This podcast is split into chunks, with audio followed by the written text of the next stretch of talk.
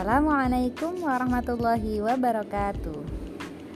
Hai ayah bunda, hari ini kita akan membahas satu topik yang beberapa kali ditanyakan juga ke saya Tentang bagaimana sih caranya mengajarkan anak supaya cinta dengan aktivitas membaca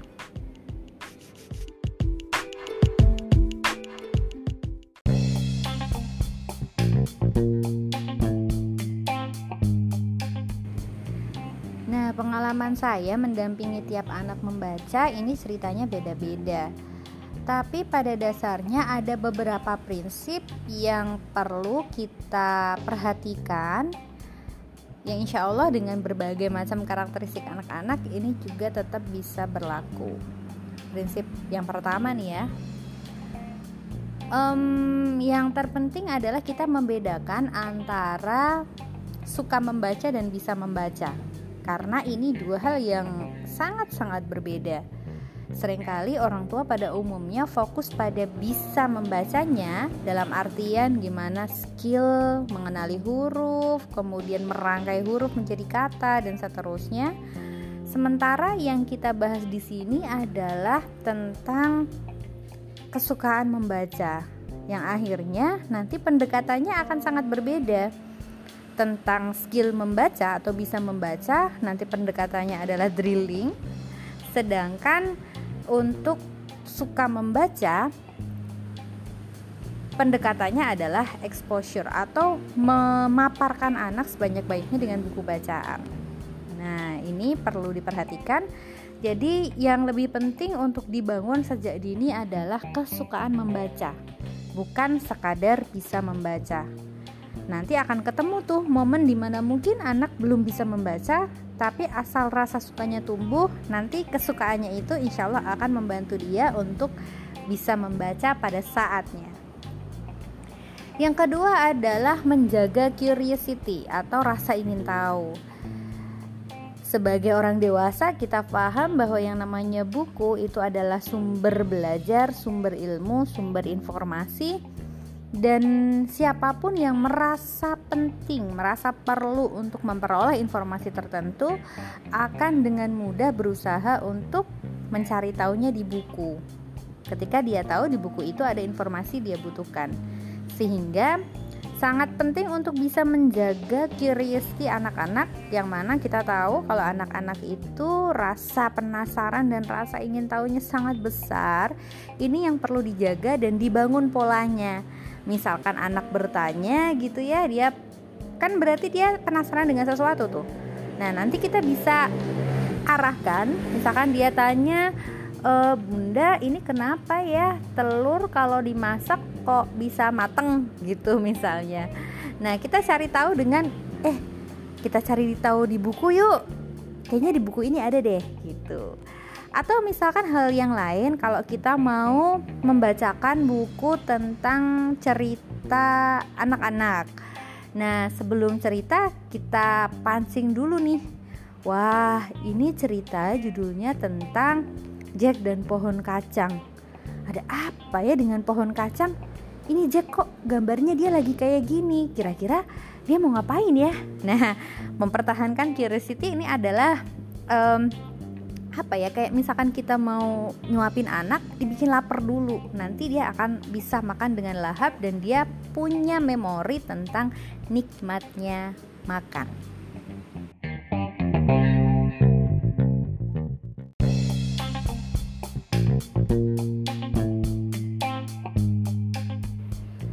Selanjutnya apalagi nih ya? Hmm, mungkin ada yang bertanya juga Mbak apa ya mesti ya kita bacain terus buku-buku ke anak sejak dini. Ada momen khusus membacakan cerita dan sebagainya.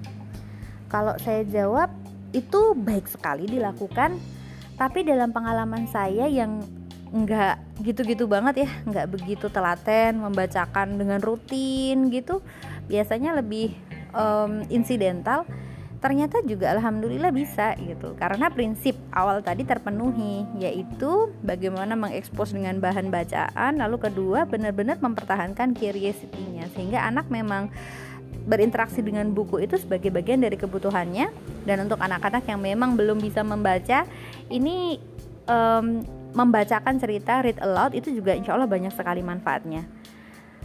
Jadi saya cuma mau bilang kalau bunda adalah ibu-ibu macam saya yang mungkin nggak begitu senang baca sendirinya atau juga nggak seberapa telaten untuk bisa bacakan buku rutin, it's okay, nggak masalah. Tinggal gimana caranya mencari cara mensiasati hal itu dengan tujuan tetap menghadirkan prinsip-prinsip dasar tadi ya tentang uh, exposure dengan buku, kemudian yang kedua curiosity. Ini bisa diwujudkan um, dengan cara-cara yang lebih mudah bagi kita.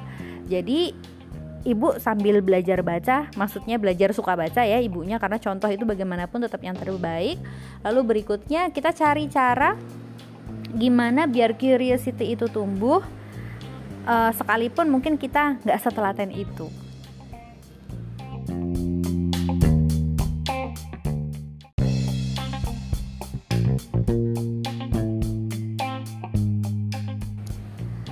Pertanyaan selanjutnya adalah buku apa saja yang perlu disediakan. Kalau kami sekeluarga memang um, banyak banget varian yang memang sengaja kami sediakan mulai dari hal-hal yang menurut kami prinsip misalkan buku-buku tentang agama, tentang akidah, tentang tafsir, buku-buku tentang siroh ini banyak banget versinya di rumah. Mulai dari versi yang dewasa ada macam-macam yang versi anak juga ada beberapa macam. Karena bagi kami e, mengenalkan kisah hidup Rasulullah dan para sahabat itu adalah cara terbaik untuk memberikan referensi model person-person ideal pada zamannya yang nyata pernah hidup ya dan kita bisa menggali banyak banget dari situ. Selain itu buku cerita tentu saja, kemudian buku-buku uh, yang sifatnya praksis ya. Misalnya contoh buku aktivitas atau buku referensi kegiatan hastakarya eh hastakarya ya Allah tua banget ya bahasanya. Crafting. Nah buku masak itu juga ada sesuai dengan kebutuhan saja yang memang bisa kita jangkau. Nah, ada juga pertanyaan sekarang kan banyak banget tuh buku-buku yang uh, menantang kita untuk merogoh kocek sangat dalam. Kayaknya sih bukunya bagus iklannya juga datang terus. Temen bikin story ketemu di Facebook postingannya jualan buku dan bikin orang tua yang memang punya niat untuk menghadirkan fasilitas pendidikan terbaik bagi anak-anaknya. Itu bikin kemecer banget tapi mungkin pada situasi tertentu budget kita belum sesuai, belum mencukupi untuk memfasilitasi dengan buku-buku um, buku-buku berkelas seperti itu. Dan bagi saya nggak masalah.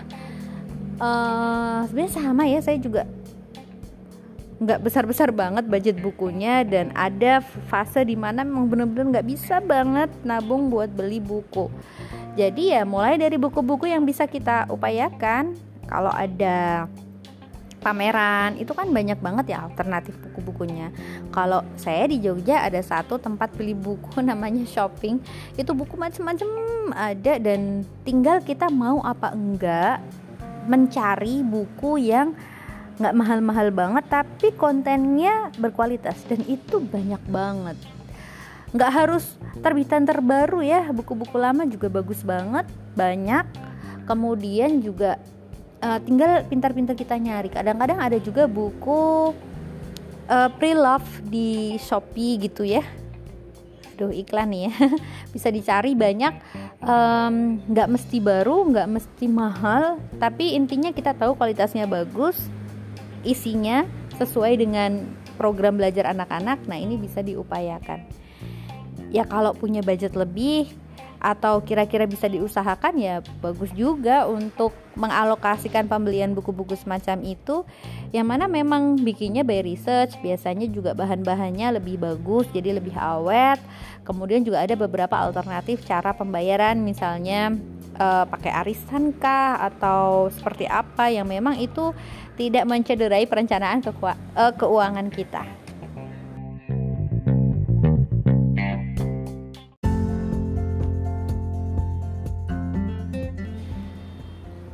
sebelum kita tutup ada dua tips tambahan yang saya ingin kasih secara khusus berdasarkan pengalaman saya sendiri.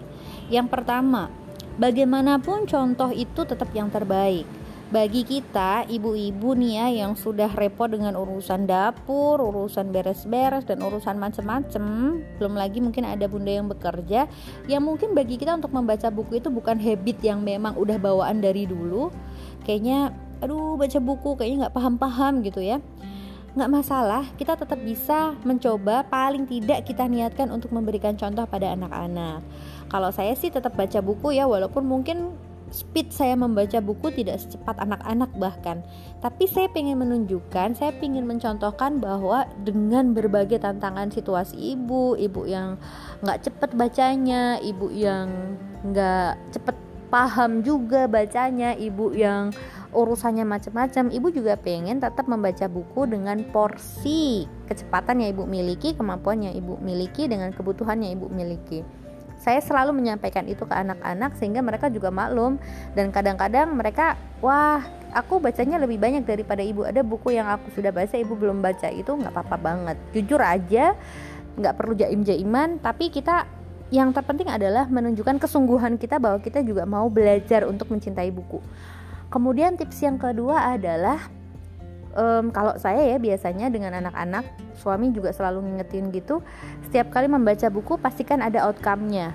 Jadi membaca itu kan kegiatan yang sifatnya reseptif ya bukan produktif. Jadi sifatnya menyerap. Nah padahal untuk bisa um, bisa digunakan untuk produktivitas mesti disalurkan pada aktivitas yang memang mentransformasikan Pengetahuan yang diserap dari membaca buku menjadi karya yang bisa menghadirkan kemanfaatan. Nah, itu tantangannya.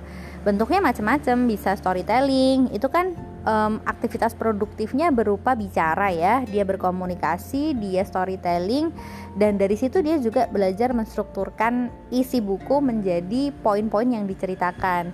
Dari situ juga bisa dihadirkan kemanfaatan nanti akan ada orang-orang yang akan menyimak apa yang dia sampaikan dan mengambil manfaat dari pemahaman yang sudah dia dapatkan selama membaca buku. Bisa juga dalam bentuk menulis, misalkan contoh uh, kemarin ya yang sudah nyimak di podcast hari Ahad dengan Kak Takia. Jadi waktu itu ceritanya dia udah banyak banget baca-baca buku tentang peradaban. Dia baca buku tentang Eh, negara-negara uh, country human, Italia, macam-macam dia udah ngerti banyak.